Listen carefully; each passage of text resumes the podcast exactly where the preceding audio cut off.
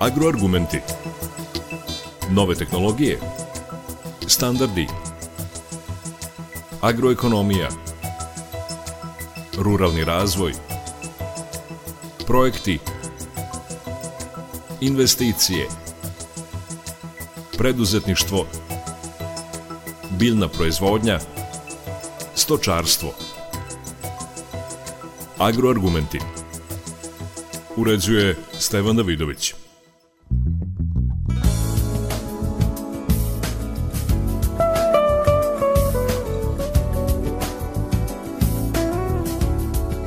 Dobar dan. Srbija je agrarna zemlja.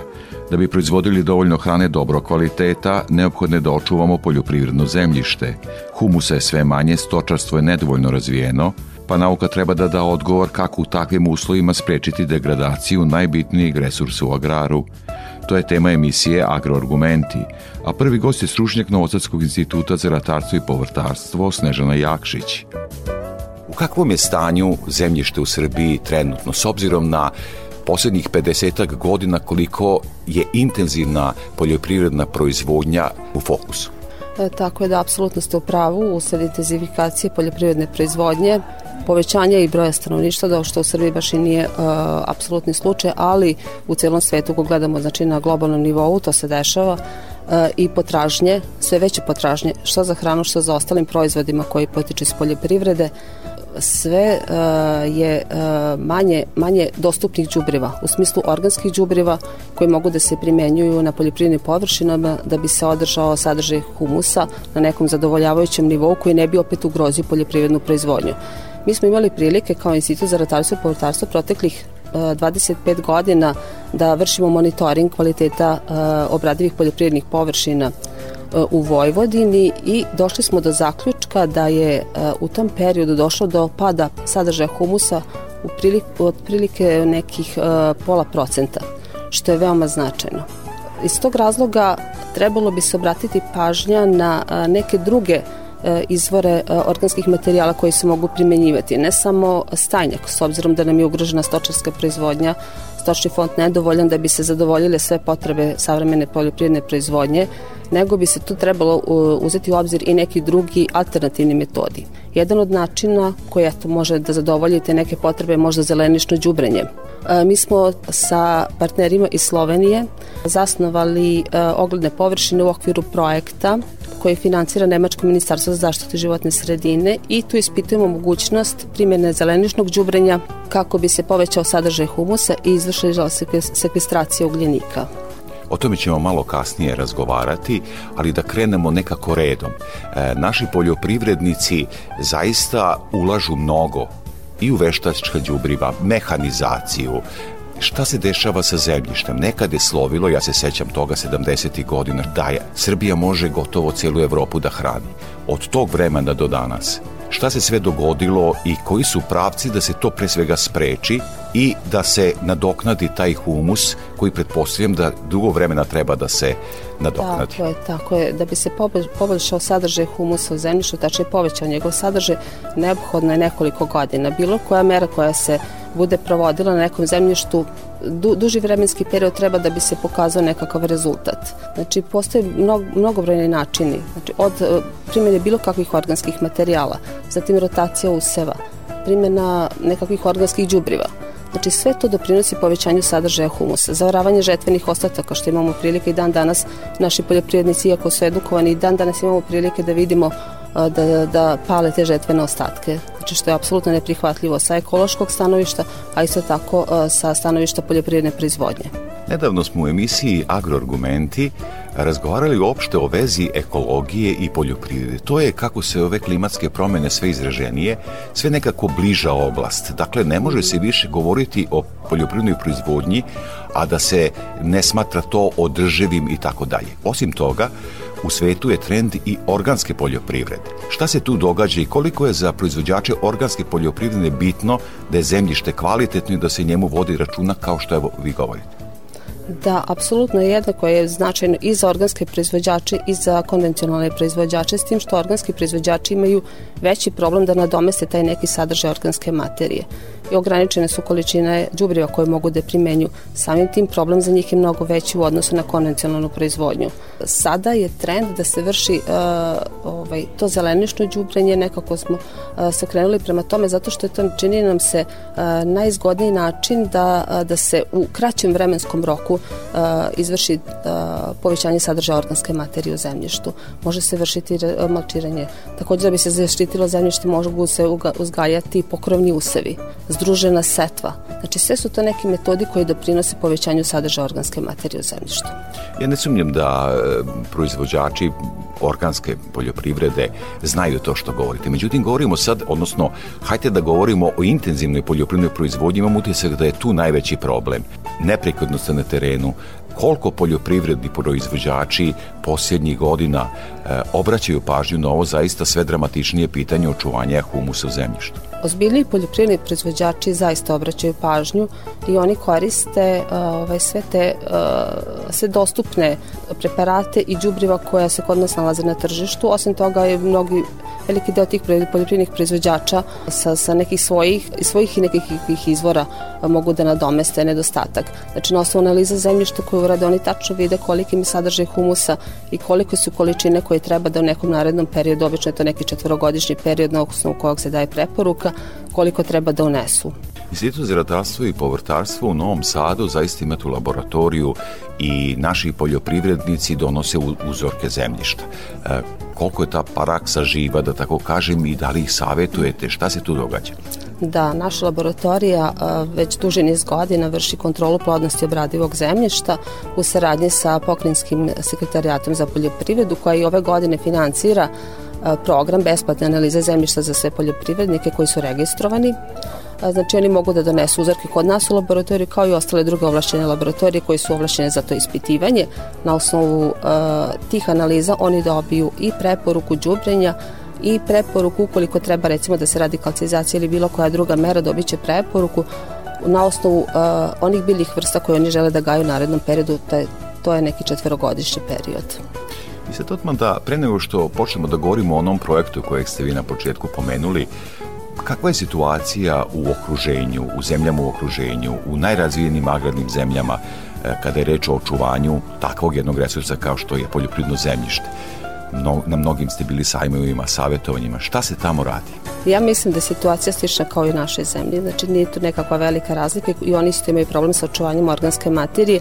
Isto tako postoje brojne inicijative od, eh, od primjene tih svih raznih materijala organskih, organskog porekla koji mogu da nadomeste nedostatak organske materije, a s druge strane eh, tre, uz poštovanje nitratne direktive, znači da se opet ne prekorači taj neki limit koji je dozvoljen za primjenu kada su organski materijali u pitanju konkretno u nekom prelaznom periodu 210 kg azota po hektaru, kasnije 170 kg azota iz organskog materijala organskog đubriva tačnije stajnjaka. E, visoko razvijene agrarne zemlje imaju i mnogo bolji odnos između ratarske i stočarske proizvodnje. Pretpostavljam da je tu i lakše onda nadoknaditi humus. Jeste, da, lakše ukoliko postoji ta neka povezanost i ukoliko je stočarska proizvodnja veoma dobro razvijena. E sad, šta ako nije? Evo, mi smo taj slučaj. Eto, upravo je to nešto sam ja spomenjala malo pre, znači u slučaju kada uh, nema dovoljno stočnog fonda, ili u slučaju kada, što je u novije vreme izraženije veganska proizvodnja, kada se proizvodnja bazira isključivo na biljnom poreklu bez ikakvih e, životinskih dodataka, e, postoji e, način gde se može vršiti zelenično đubrenje i upravo to što sam spomenula, radimo projekat koji financira Nemačko ministarstvo za zaštitu životne sredine u saradnji sa Poljoprivrednim institutom iz Ljubljane i Slovenije, gde ispitujemo mogućnost povećanje sadržaja organskog ugljenika, tačnije po, poboljšanje bilansa organskog ugljenika i sekvestracije ugljenika putem rotacije useva gajanjem leguminoza, što je najvažnije pošto leguminoze, to već svi znamo, fiksiraju azot, samim tim povećavaju sadržaj i organske materije u zemljištu. I na osnovu tih rezultata već preliminarni neki rezultati ukazuju na poboljšanje bilansa ugljenika, samim tim ukazuju i na poboljšanje ostalih fizičko-hemijskih svojstava zemljišta. I od kada ste u tom projektu? Projekat traje za sada dve godine i ići ćemo još jednu godinu sa tendencijom da pokušamo da produžimo s obzirom da bi za neke realne i ovaj, validne rezultate trebalo da traje nekoliko godina. Šta su očekivanja od tog projekta? Očekivanja su da možemo poboljšati fizičko-hemijska svojstva zemljišta, izvršiti sekvestraciju ugljenika, što je jako značajno u sklopu svih ovih današnjih dešavanja i klimatskih promena, a samim tim da ćemo uticati i na, na, na domeštavanje nedostatka organskih đubriva ili da koristimo same biljke za, za obogaćivanje zemljišta ovaj, organskim materijama u slučaju kada, ta, kada nije dozvoljena primjena recimo nekih životinskih materijala kao što je stajnjak. Kakva su svetske iskustva kada je reč o tom projektu? Isto ima jako dobra iskustva i ta inicijativa zapravo je krenula iz, iz zapadnih zemalja, iz zapadne Evrope. I za koje vreme planirate da se ta saznanja uvedu u našu poljoprivredu? To je sve zavisi od naših poljoprivrednika, ali mi ćemo se truditi i trudimo se preko raznih radionica, raznih drugih manifestacija kao što su dani polja, naše savjetovanja agronoma koje će se držati u januaru, takođe će predstaviti deo rezultata tog projekta i tu će konkretno poljoprivrednici moći da se upoznaju sa, sa konkretnim rezultatima projekta.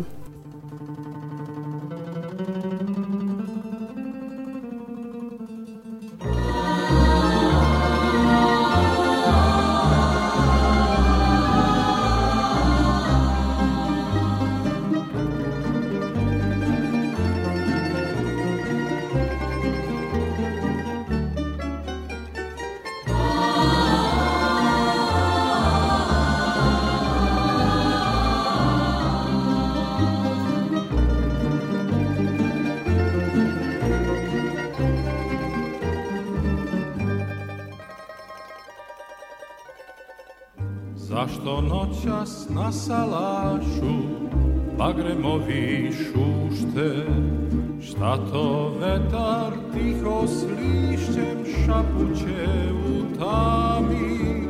Zašto mesec zrake skriva u žitu što snima Konje vrane razigrane pesmom opevane. Koja tajna na starome salašu se skriva? Kad ja tajne sve poznajem ovde od davnina Tu sam tugu tugova, tu sam srećan bio.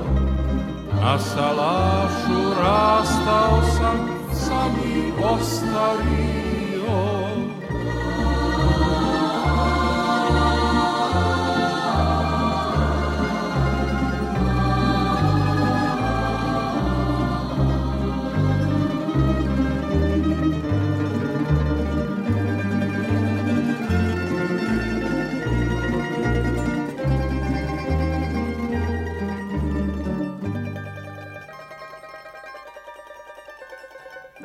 Već će skoro zora, pedlovi se čuju, Vetar šapće, još sa lišćem džeram tužno škripi, koju tajnu salaš skriva od srca što snima.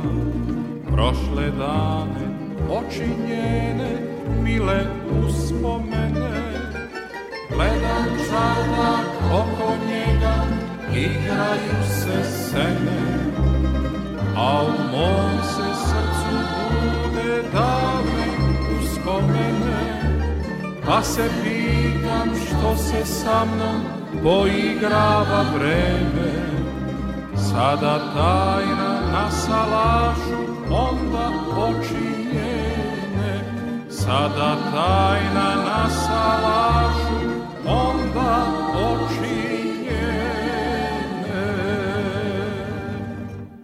Agroargumenti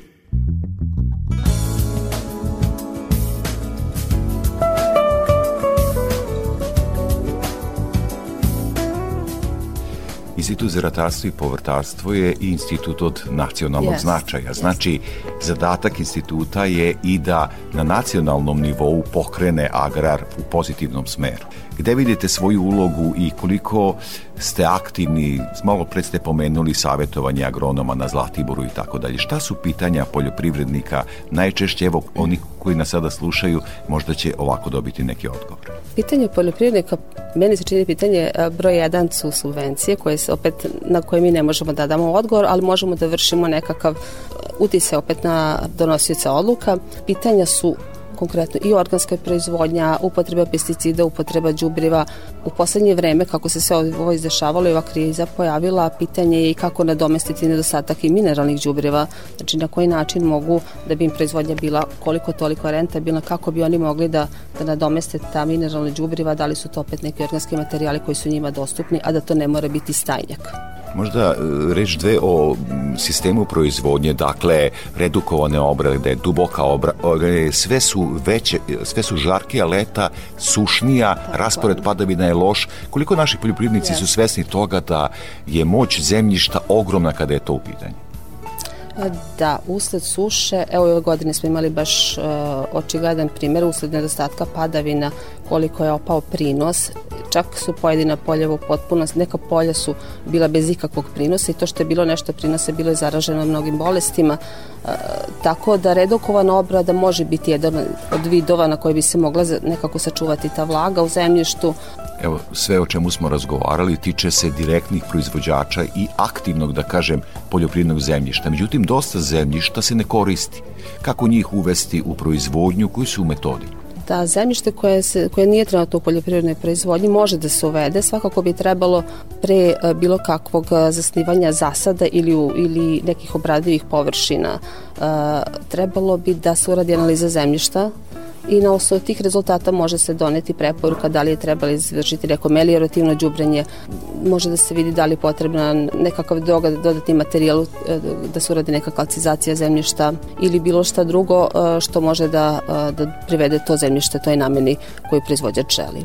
Evo sad u sklopu ovog pitanja Institut za ratarstvo i portarstvo u Novom Sadu, Institut od nacionalnog značaja, vi ste aktivni na celoj teritoriji Srbije. Tako je da, mi smo radili mnogobrojne projekte na teritoriji cele Srbije. U poslednje vreme intenzivno smo radili na zasnivanju vinograda i tom prilikom smo imali šansu da se upoznamo ne samo sa proizvođačima, nego da sagledamo i celokupno stanje zemljišta koje je pod vinogradima, kakav je kvalitet zemljišta, kakvi su prinosi i koje su mere potrebne da bi se očuvala plodnost tog zemljišta. Evo sad kad smo kod klimatskih promena, sve žarkih leta, lošeg rasporeda padavina, mm -hmm. jedno od rešenja stalno se pominje i navodnjavanje. Da bi se navodnjavalo, mora se posebno zemlja negovati, tako da kažem. Šta su tu problemi, kakva su rešenja? Problemi se dešavaju ukoliko se koristi voda neadekvatnog kvaliteta. Zbog toga bi trebalo pre navodnjavanja, mada to nije baš često slučaj, izvršiti analizu vode. To također može da se uradi u našoj laboratoriji. Na osnovu toga možete da vidite da li je ta adekvatna voda za, za navodnjavanje i jer uh, ukoliko voda sadrže povećan sadržaj nekakvih teških metala ili neki drugi parametri nisu u redu, možete napraviti veći problem nego što ga trenutno imate.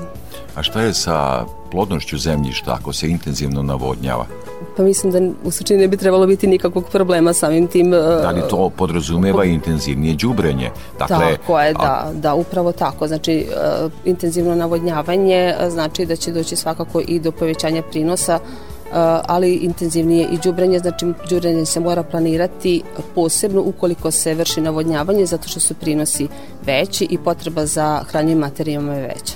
U Vojvodini pa i, i generalno u Srbiji različiti tipovi zemljišta postoje. E, koliko se o tome vodi računa i kakve su preporuke za različite tipove zemljišta? Kada su preporuke u pitanju, ne baziramo se toliko na sam tip zemljišta, nego više na konkretne fizičko-hemijske karakteristike. U, u Vojvodini uglavnom je zastupljen černozem, to je tip zemljišta koji ima odličan kvalitet za poljoprivrednu proizvodnju, ali opet mogu da postoje razlike koje mogu biti i prirodnog porekla, ali isto mogu nastati razlike usled antropogenog uticaja. Može se desiti da u nekim područjima došlo do pada kvaliteta usled ne, neadekvatnog rukovanja tim zemljištem, tačnije upravljanja zemljištem. Može se pojaviti recimo kod vinograda povećan uh, sadržaj bakra usled pripreme bakarnih preparata. Zatim može doći do povećanog sadržaja teških metala usled primene nekakvih mineralnih đubriva koji imaju povećan sadržaj teških metala. Zbog toga je našim i zakonom propisana maksimalno dozvoljena količina tih teških metala koji se mogu unositi u nekakvom periodu od dve godine. I šta raditi ako se ima neko zemljište koje nije dobrog sastava? Jedno vreme u Vojvodini recimo dosta je sađeno, znači u voćarstvu, nešto što ne pripada takvom zemljištu. Imali smo i kod maline i tako dalje. Da li se može jedno zemljište tako prevesti za neku proizvodnju ili je bolje uraditi regionalizaciju pa za svako zemljište naći tačno ono što odgovara? A mi kao stručnjaci preporučimo da se radi regionalizacija proizvodnje, tačnije rejonizacija proizvodnje, zato što će biti u svakom slučaju adekvatnije neko zemljište za neku konkretnu biljnu vrstu ukoliko se može tu postići maksimalni prines i određeni kvalitet. Međutim, svedoci smo da su u poslednje vreme usled veće potražnje, evo, na primjer, uzmemo malinu, velika potražnja za malinom, pa onda pojedini poljoprivredni proizvođači, čak ovde u Vojvodini, na nekom karbonatnom zemljištu, prisilno zakišeljavaju zemljište ne bili tu postigli nekakve dobre kvalitete, dobre prinose i, i zadovoljavajuće kvaliteta. Pa gde je tu računica? Pretpostavljam da to i mnogo košta, opet efekat nije takav nego nešto što bi prirodno tu Pa računicu verovatno oni sami znaju možda zbog trenutne cene, još im e, nekako ta računica je u plusu, ali mislim na neke duge staze ukoliko bude veća konkurencija da im ta proizvodnja neće biti održiva. Može da se opet vratimo na, na onu temu koja je tu sada najinteresantnija, to je da naš, u našem agraru nedostaje stočarstvo. Od početka razgovora, evo, vi navodite kako odnosno modele kako vratiti plodnost i uslovima kada nema dovoljno stajskog đubriva. Mislim da su leguminoze dobar izvor, kakva su iskustva? Da, leguminoze su odličan izvor e, za e, povećanje sadržaja, tačnije kao izvor e, azota, s obzirom da vrše fiksaciju atmosferskog azota i posle leguminoze ostaju znatne količine u zemljištu, što, znači sledeći usav će ga moći koristiti i zbog toga se preporučuje da se u, u plodored uvršćavaju leguminoze i naši rezultati pokazuju ne samo naši, nego vidim i, i u ostalim zemljama da je to jedan od odličnih načina u, u slučaju nedostatka recimo stajnjaka na taj način popraviti bilans hraniva u zemljištu, a i fizičko-hemijska svojstva, jer osim toga, osim što povećavaju sadržaj azota, recimo te, na primjer, konkretno lucerka njen koren dopire i do 2 metra u dubinu, samim tim može da popravlja i strukturu zemljišta, izlači hraniva koje se nalaze duboko u zemljištu, znači ima više ostruko pozitivno dejstvo. Predlažem da za kraj razgovora pomenuli ste u jednom momentu i savetovanje agronoma na Zlatiboru. Da pripremate za poljoprivrednike? Šta je ove godine što ćete im prezentovati? Ove godine će, kao i svake godine što prezentujemo, najnovija dostignuća iz naših ogleda, e, iz naše proizvođačke prakse, i imaće pre, priliku da se upoznaju sa brojnim iskustvima koje smo stekli tokom ovih godina i posebno uh, u uslovima koji su nastali, znači uslovima krize, uslovima suše, imaćemo brojne goste i naši eminentni uh, stručnjaci će davati brojne savete vezane za samu poljoprivrednu proizvodnju. Ranije godina koliko je to bilo posećeno, kakvo interesovanje, baš za zemljište, ne pita vas što džabe, počeli smo razgovor da nema poljoprivrede bez tog resursa. Da. Dakle, tu bi trebao da je fokus, par je moja pretpostavka. Kakvo su vaše iskustva? Jeste. Onako što mi uh, uvijek krećemo od jedne činjenice da je zemljište neobnovljiv prirodni resurs. Samo, samim tim uh, možemo da shvatimo kolika je njegova važnost, znači ukoliko ga ne budemo čuvali, mi ćemo da ga izgubimo. Uh, pretpostavlja se da je gubitak uh, zemljišta u poslednjih 150 godina toliko velik da je već doveo do ugrožavanja i poljoprivredne proizvodnje i proizvodnje hrane. Što znači da, da bi naša proizvodnja bila rentabilna, ne u ovom momentu, nego na duže staze i održiva moramo da vodimo računa o zemljištu, moramo da poštujemo savete struke i samim tim će i naša proizvodnja i kvalitet proizvoda i prinosi biti zadovoljavajući. Zaista za kraj razgovora u najkraćem, dakle u jednoj minuti dve, bez stajskog đubriva, koje su rešenja da se održi plodno zemljište? Znači, ono što bismo mi preporučili, to je svakako uh, voditi računa o plodoredu, uvrštavati leguminoze u plodored, uh, koristiti sve moguće organske materijale, znači to čak mogu biti uh, i vaši sami otpaci sa, sa, sa vašeg gazdinstva koje možete kompostirati. To je odličan način da, da povećate sadržaj organske materije. Može se, uh, možete koristiti pokrovne useve. Uh, možete uh, izvršiti zelenično đubrenje. Znači, brojni su metodi kojima možete povećati sadržaj organske materije, bilo koji organski materijal koji zadovoljava kvalitet, ukoliko uradite njegovu analizu, ne sadrže nikakve toksične materije, teške metale, vi ga možete koristiti i samim tim možda nekakav otpad koji imate iskoristiti da vama poveća sadržaj organske materije i pojeftinjuje vašu proizvodnju. Znači, nikako ne ostaviti zemljište na milost i nemilost čudima prirode. To nikako. Veliko vam hvala za ovaj razgovor. Hvala. Ej, salaši na severu Bačke, u vama su pisme bunjevačke, a tambura tako lipo svira, ko da note par slavuja bira a tambura tako lipo svira. Ko da note par slavuja bira. Ni svatova nigdi taki nema. Ko kad bađo čer na udaj sprema nas naši se išla jer vije Ko kad zimi snig salaš pokrije. Nas naši se vinišla jer vije Ko kad zimi snig salaš pokrije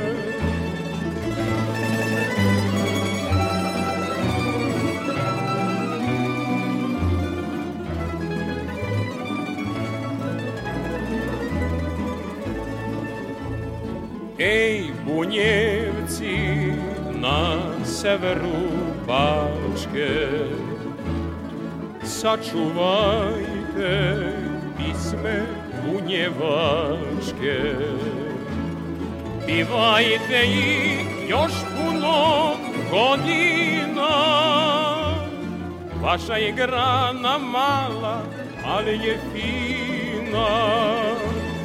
Bivajte ih još Vaša je grana mala, ali je fina. I lumpujte, ali lipo polako. Nek se divi i nek vidi svako. Pa nek vranci pokidaju štrange Kad se krenu momci na vašange Pa nek vranci pokidaju štrange. Kad se krenu momci na vašange Agroargumenti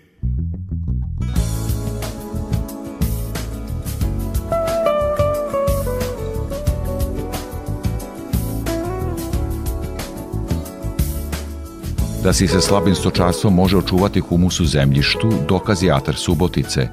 O tome razgovaram sa tamošnjim direktorom poljoprivredne stručne službe Damirom Vargom. Damire, u emisiji Agroargumenti govorimo o značaju poljoprivrednog zemljišta kao osnovnom, da kažem, resursu u agraru. Kada je reč o subotičkom ataru, kakva je situacija kada je zemljište u pitanju, dugo vremena si direktno u proizvodnji, kada je reč o plodnosti?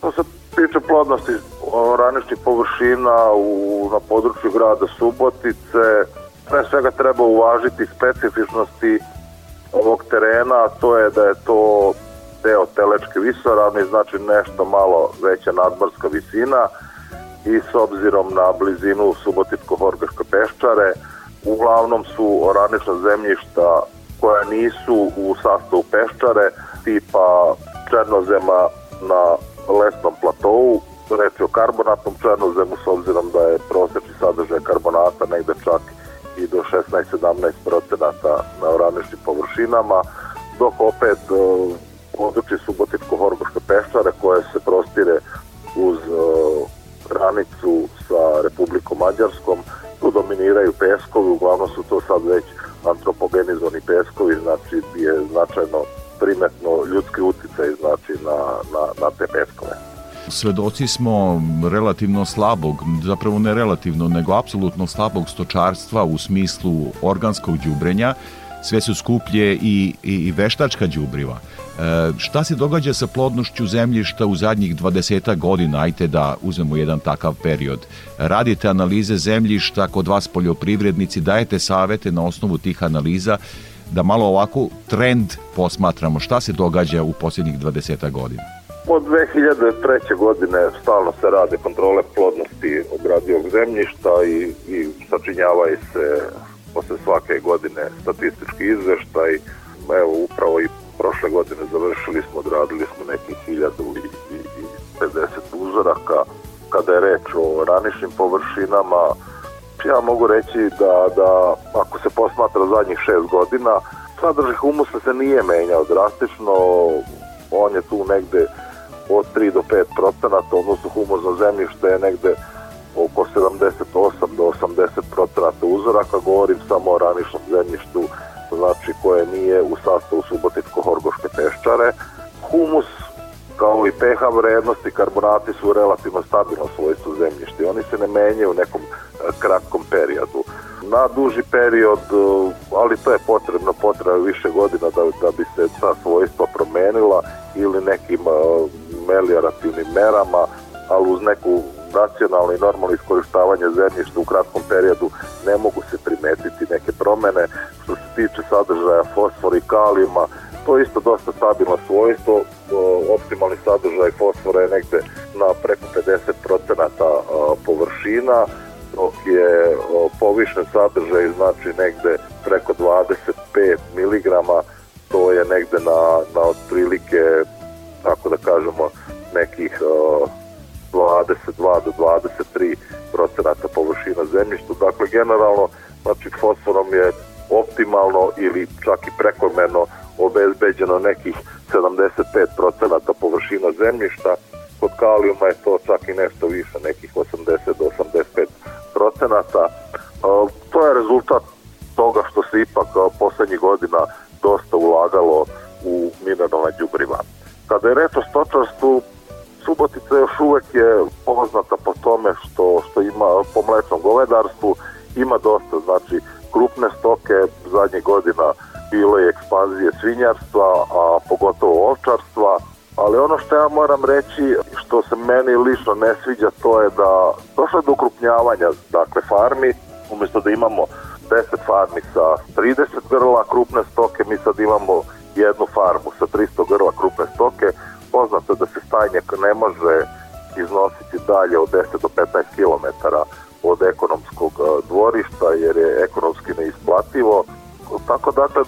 na jednom malom području imamo veliku koncentraciju gde se, gde se zemljište učestalo đubri organskim đubrima, dok opet znači e, na, na drugom delu površine mi nemamo primjenu organskih đubriva, dakle jednostavno došlo je, nema više dispergovana gazdinstva po celoj površini. To je po meni jedan problem u budućnosti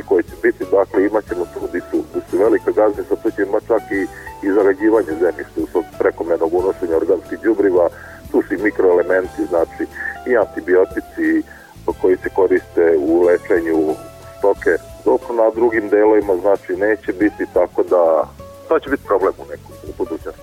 Damire, u jednom trenutku pre možda deseta godina pšenica se kao da se manje sejala, međutim poslednjih godina zbog klimatskih promena, pre svega zbog suše, visokih temperatura, juli, avgust i tako dalje, pšenica se vraća na naša polja možda više no ikada. Pšenica je poznata kao, da kažem, dobra za, za, za, za zemljište. Šta je u Subotičkom ataru i koliko će pšenica uticati da se malo povrati struktura zemljišta, plodnost i ostalo? Region Subotica uvek bio poznat po visokom učešću strnina, razlozi za to u prethodnom delu razgovora, ipak je ovo znači obo telešti visoravni zemljište nešto lakšeg mehaničkog sastava, slabije vododržeće sposobnosti, tako da je proizvodnja ozimih kultura uvek pružila, ajde tako da kažemo, neku sigurnost, jer evo svedoci smo zadnjih godina da imamo dosta i sušno leta.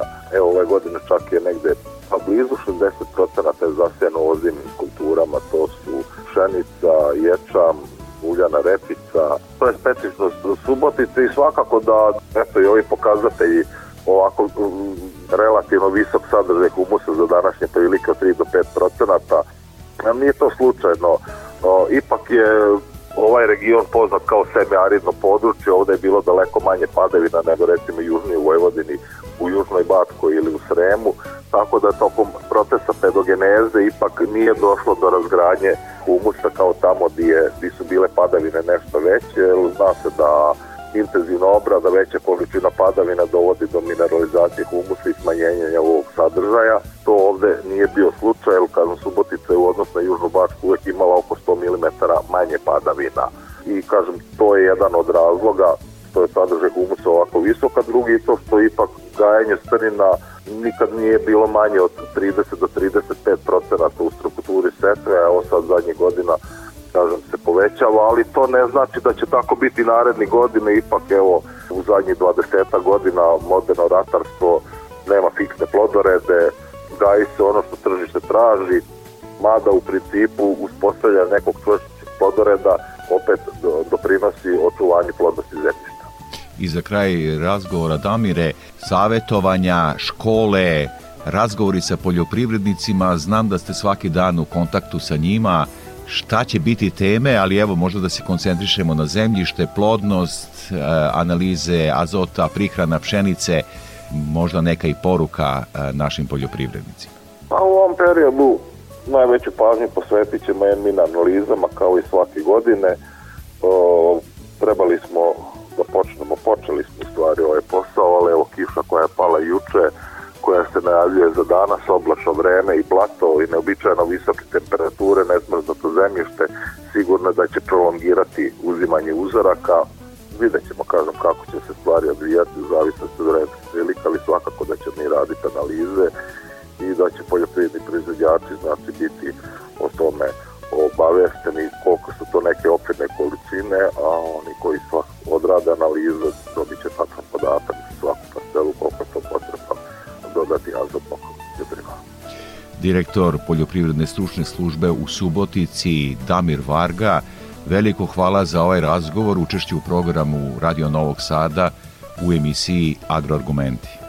Hvala vama i pozdrav svim vašim slušacima.